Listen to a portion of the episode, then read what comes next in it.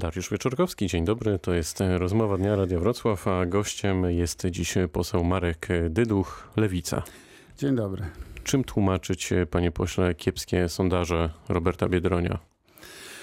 No myślę, że te, te wybory są zawsze specyficzne. Ja moim kolegom mówię, że musi pasować osoba do fotela, o który walczy. A Robert Biedroń. Nie pasuje? Y, Robert Biedroń, jeżeli chodzi o pewne właściwości polityczne, czy inteligencję, czy umiejętność poruszania się w polityce, polityce jak najbardziej pasuje.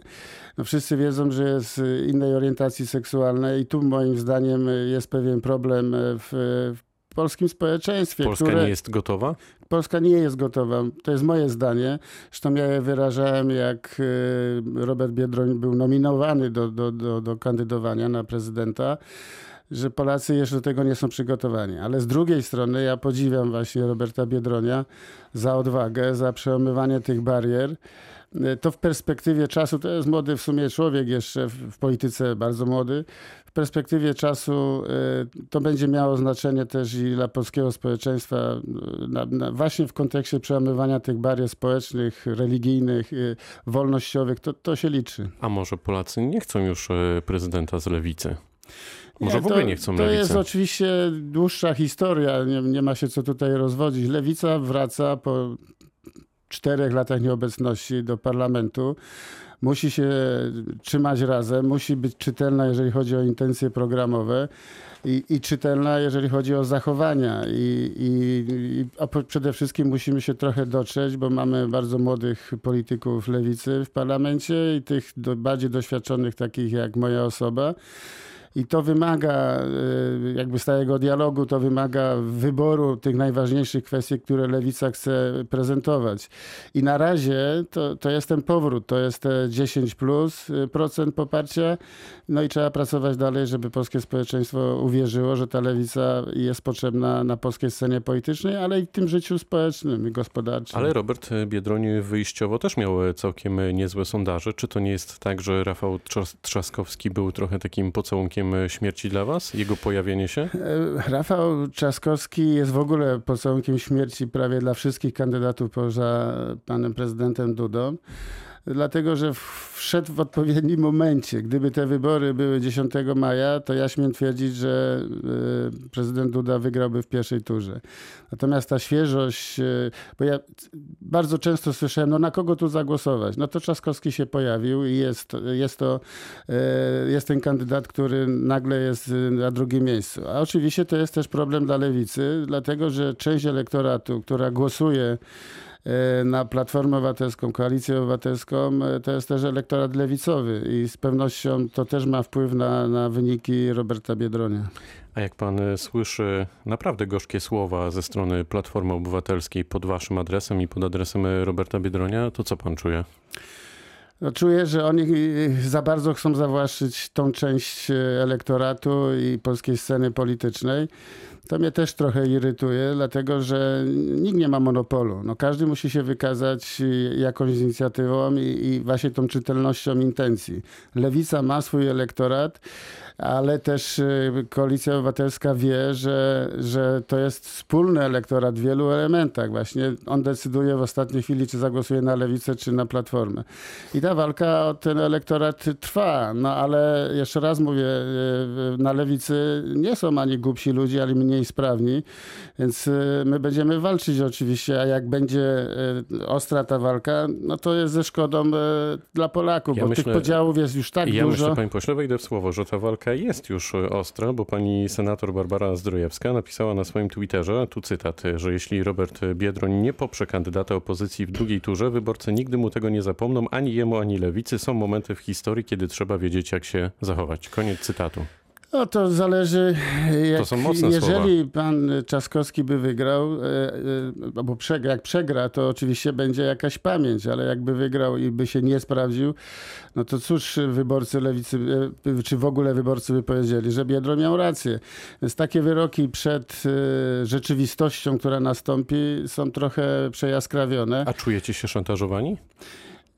Wam to zależy od podejścia do sprawy. Ja już jestem za starym politykiem, żebym się obrażał, albo żebym, e, ale też żebym się poddawał. Nie mam takiej ochoty. Proszę nas tutaj nie kokietować. Nie, ja, ja tylko mówię, że e, w polityce już widziałem tak dużo, że takiego typu zachowania e, widziałem też, ale nie, nie podzielam tego języka, e, tej ostrości wypowiedzi jakiejkolwiek, tak? Bo jeżeli w polityce nie ma miejsca na dialog, no to jest miejsce dla ulicy i, i, i mówienie kto, gdzie i jak zasługuje, czy nie zasługuje na e, poparcie opinii publicznej, czy, czy wyborców, no jest przedwczesne, ale to, to świadczy, że tam też jest jakaś nerwowość w Koalicji Obywatelskiej. Czy w takim razie jest e, szansa mimo wszystko na to, że poprzecie Rafała Trzaskowskiego w drugiej turze?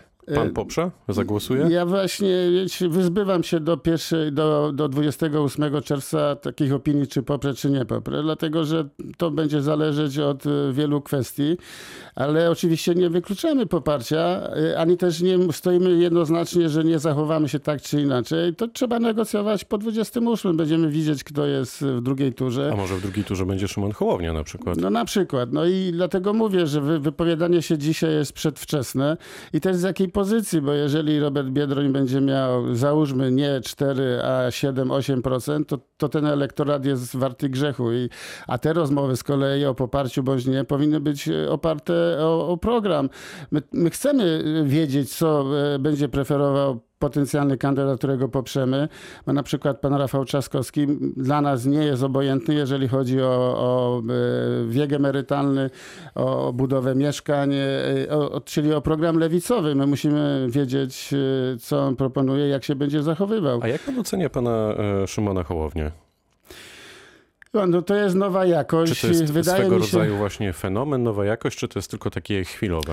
Czy, Pan, czy za tym pójdzie jakaś to nowa siła zależy, polityczna? Kto kogo promuje. Wydaje mi się, że pan Hołownia miał e, część mediów za sobą, przynajmniej w tamtej fazie pierwszej wyborów. I to go po prostu wypromowało, jak się jest codziennie i, i ludzie mają taką alternatywę, no albo PiS, albo e, Koalicja Obywatelska, no to czasami wybierają tego trzeciego. Na pewno zbił kapitał polityczny, bo poparcie w granicach 10% w Polsce się liczy i to może świadczyć, że założy swoją partię. No i wtedy już nie będzie apolityczny, tylko polityczny. Zobaczymy, jaki program przedstawi.